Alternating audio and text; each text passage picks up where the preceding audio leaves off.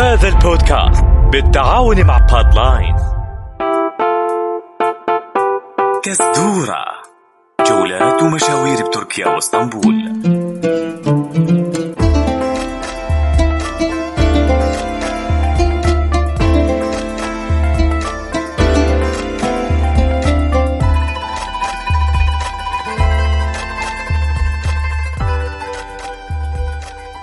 test test يلا رخاء بلشي تسجيل بدنا نكمل حكي للمستمعين عن المناطق الترفيهية. بس حزيري شو قبل ما نبلش تسجيل شفتي قديش زادت نسبة الاستماع على بودكاست المناطق الترفيهية الأول؟ يا الله شو انبسطت عليهم. شي جميل والله شكلهم مستمعينا بيحبوا الترفيه والبسط ولهيك معناها بيستحقوا نكمل لهم حكي عن باقي المناطق. يلا نبلش تسجيل ثلاثة اثنين واحد أكشن. مرحبا مستمعينا الأعزاء اليوم حنكمل جولتنا بعدد من المتاحف المشهورة بإسطنبول. يلا شدوا أحزمتكم وانطلقوا معنا معي أنا رخاء وصديقتي إيمان.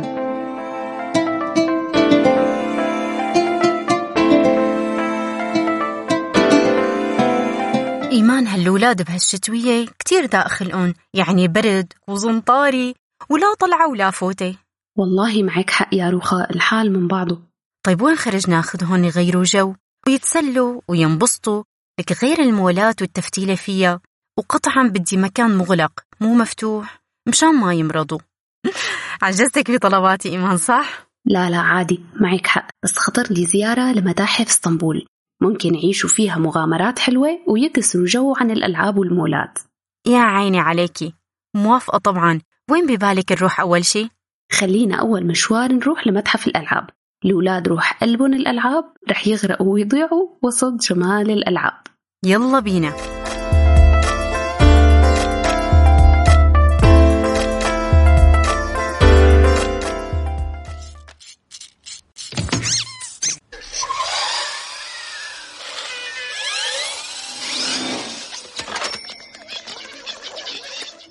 متحف الألعاب واسمه بالتركي إسطنبول أويونجاك موزيسي موجود بالقسم الآسيوي باسطنبول بمنطقة كاديكوي. هذا المتحف فيه ألعاب عمرها بيرجع ل 200 سنة وأسسه الشاعر والكاتب التركي صناي أكل عام 2005 وفي أكثر من 10,000 لعبة. انجمعت فيه ألعاب مختلفة من ألمانيا وفرنسا وتركيا وبلدان تانية بالعالم. أقدم لعبة موجودة بمتحف الألعاب باسطنبول هي عبارة عن كمان مصنوع بسنة 1817 وألعاب تانية من أمريكا ترجع لسنة 1860 وألعاب من البورسلان من ألمانيا عمرها 100 سنة. توصلوا على المكان بتشوفوا بناء خشبي لونه أبيض وبتتوزع حواليه كتير من الدمى يلي بيعرفها وبيحبها الكبار والصغار بيتألف من الداخل من أربع طوابق موزعة الألعاب حسب أقدميتها وتاريخها. بتلاقي بالطابق الأول مجموعة منوعة من الألعاب المعروضة للبيع والهدايا التذكارية. وحنشوف الجزء المخصص لألعاب الفضاء والنجوم المتلألئة تملى سقف المتحف. حقيقة مشهد رائع وهيك منظر مميز بيلفت نظر الأولاد وبده صورة حلوة للذكرى. وبعد هالصورة الحلوة حنشارك بأنشطة وورشات عمل مميزة لأطفالنا فيها الترفيه والتسلية. وخوض هالتجربة حيكون تنمية لمهاراتهم وتعريفهم على آلية صنع الألعاب.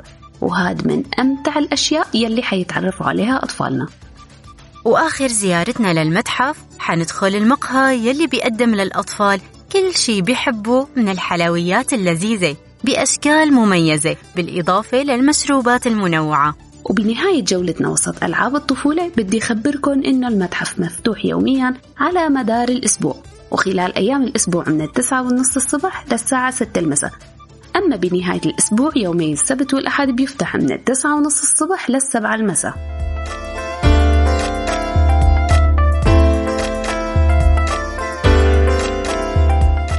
إيمانو إيمانو بتحبي الهوت شوكليت؟ أعمل لك معي. بحب كلمة قليلة عن الشوكولا يا رخاء.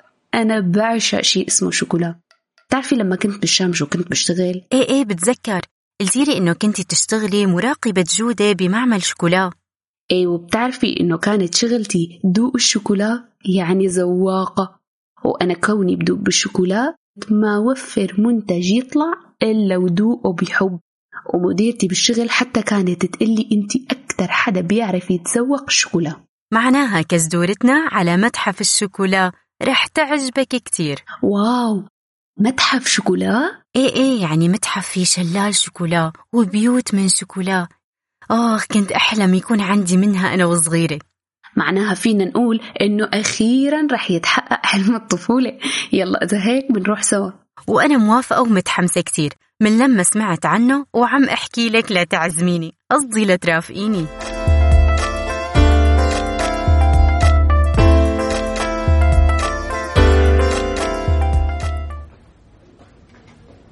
وأخيرا وصلنا لمنطقة السنيورت ومصنع بيت الشوكولا.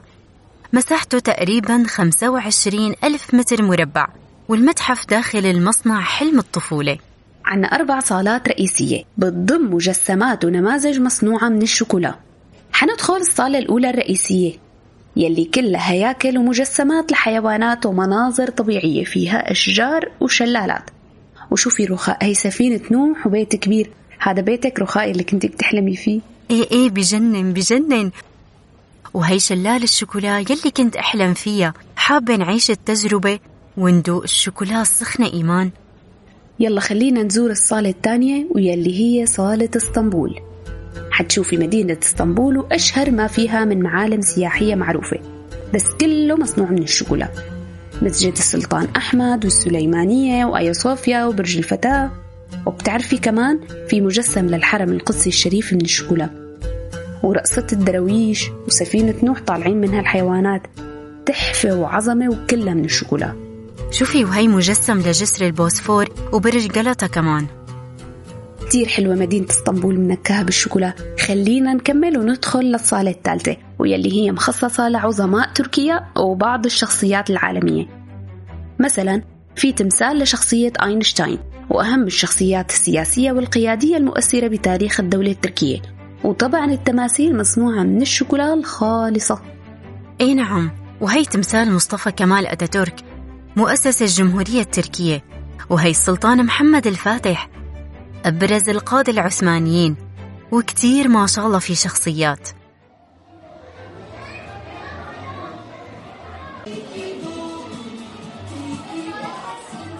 شوفي إيمان الصالة الرابعة كتير معجوقة. إيه روخا هي الصالة للأطفال والفنون. بتلاقي كل الأطفال مع أهاليهم جوا. لأن بتعرض مجسمات للدمى والشخصيات الكرتونية المحبوبة مثل السنافر وبياض الثلج والأقزام السبعة وغيرها من الشخصيات اللي بيحبوها الأطفال كتير ونحن كمان بنحبها. خلينا نشوف هالصالة إيمان كلها لوحات من الشوكولا. إيه هي الصالة اسمها صالة الحضارات. فيها لوحات الشوكولا وبتحكي عن أهم الحضارات يلي مرت على تركيا مثل اليونانية والبيزنطية والعثمانية. وكثير من اللوحات يلي بتحكي عن حضارات الأمم الأخرى. هلأ بدنا نعيش سوا مغامرة فيلم الشوكولا لجوني ديب. وبيخلونا نتعرف على طريقة صنع الشوكولا بأنواعها وأشكالها العديدة من خلال متابعة عمل الطباخين بمصنع الشوكولا. وهلأ صار وقت نشتري الهدايا التذكارية من المتحف.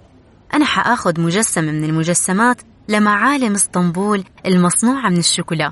أحلى تذكار عندي. وفي أشكال تذكارية تانية كتير حلوة كمان. رخاء صارت الساعة أربعة لازم نمشي صار وقت التذكير. لأن فقط من العشر للأربعة بيفتح المتحف. ولكن كل الأيام ما عدا يوم الأحد. شكرا إيمان. كان مشوار كتير حلو. وخرج الكبار والصغار.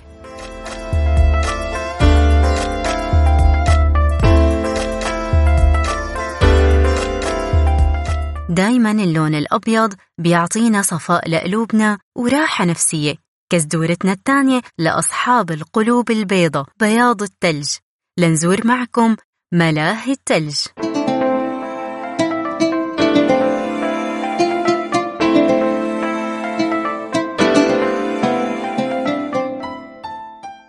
ماما وعدتيني مشوار حلو بالشتاء وقلتي لي حيكون ذكرى حلوة كتير. إيه والله يا نجوى وأنا عند وعدي بهالبرد والزنطاري أداء خلقنا وصار لازم نغير جو ومالنا إلا ملاهي التلج. ملاهي التلج؟ يعني كلها تلج وفينا نلعب فيها ونتزلج؟ إيه حبيبتي وشغلات تانية حلوة كتير. فينا نعملها وننبسط وناخد معنا رفقاتنا ونتسلى سوا.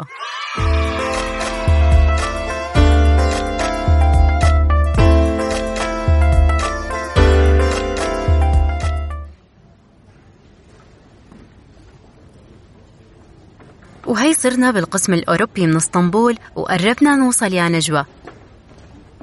هي مول توريوم اسطنبول والملاهي الثلجية جوات المول. ويلا نبدأ أحلى مغامرة بسنو بارك اسطنبول.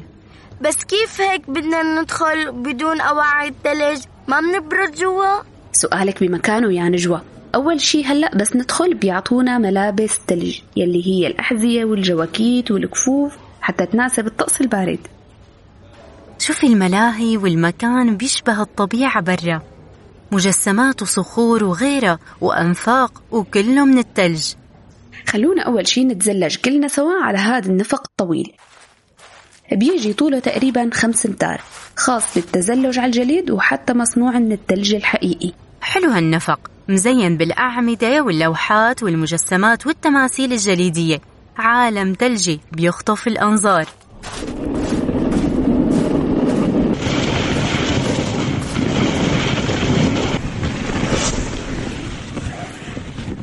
وهي زحاليق ثلجية خرجنا نحن والولاد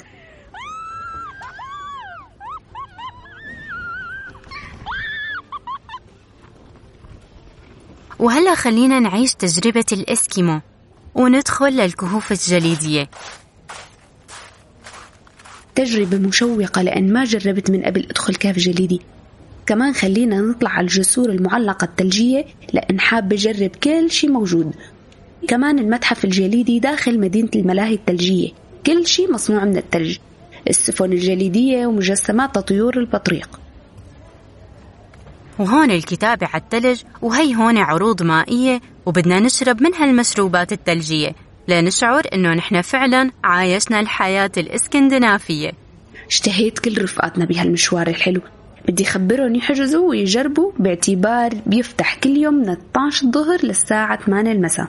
على فكرة إيمان هي محل لبيع الهدايا التذكارية واستراحة ومقهى. تقدري تشتري الصور عن معالم المدينة الثلجية. تمام. ولازم نتصور صور تذكارية بالملابس الخاصة بسكان المناطق الجليدية قبل ما نغادر الملاهي. وهيك بتكون خلصت كزدورتنا لليوم بأشهر المتاحف الموجودة باسطنبول. طبعا لسه في متاحف كتيرة وأماكن حلوة ومميزة للتسلية والمتعة. ولازم تزوروها معنا. بس بالحلقات القادمة بإذن الله. خبرونا للأسبوع القادم أي مكان جربتوا أو لوين حابين تروحوا وتتسلوا لنحكي لكم عنه. تابعونا على كل منصات البودكاست أبل وجوجل بودكاست ساوند كلاود سبوتيفاي وأنغامي رح تلاقوا بوصف الحلقة روابط كل الأماكن يلي حكينا لكم عنها اليوم. إذا حبيتوا الحلقة حطوا لنا نجوم واكتبوا لنا تعليقاتكم وتقييمكم على أبل بودكاست هالحلقة من إعداد فريق كزدورة نور سلام تقديمي أنا رخاء. وزميلتي إيمان. لا تنسوا تشاركوا الحلقة مع رفقاتكم وأهاليكم وكل مين حابب يزور تركيا. سلام. سلام. كزدورة جولات ومشاوير بتركيا واسطنبول.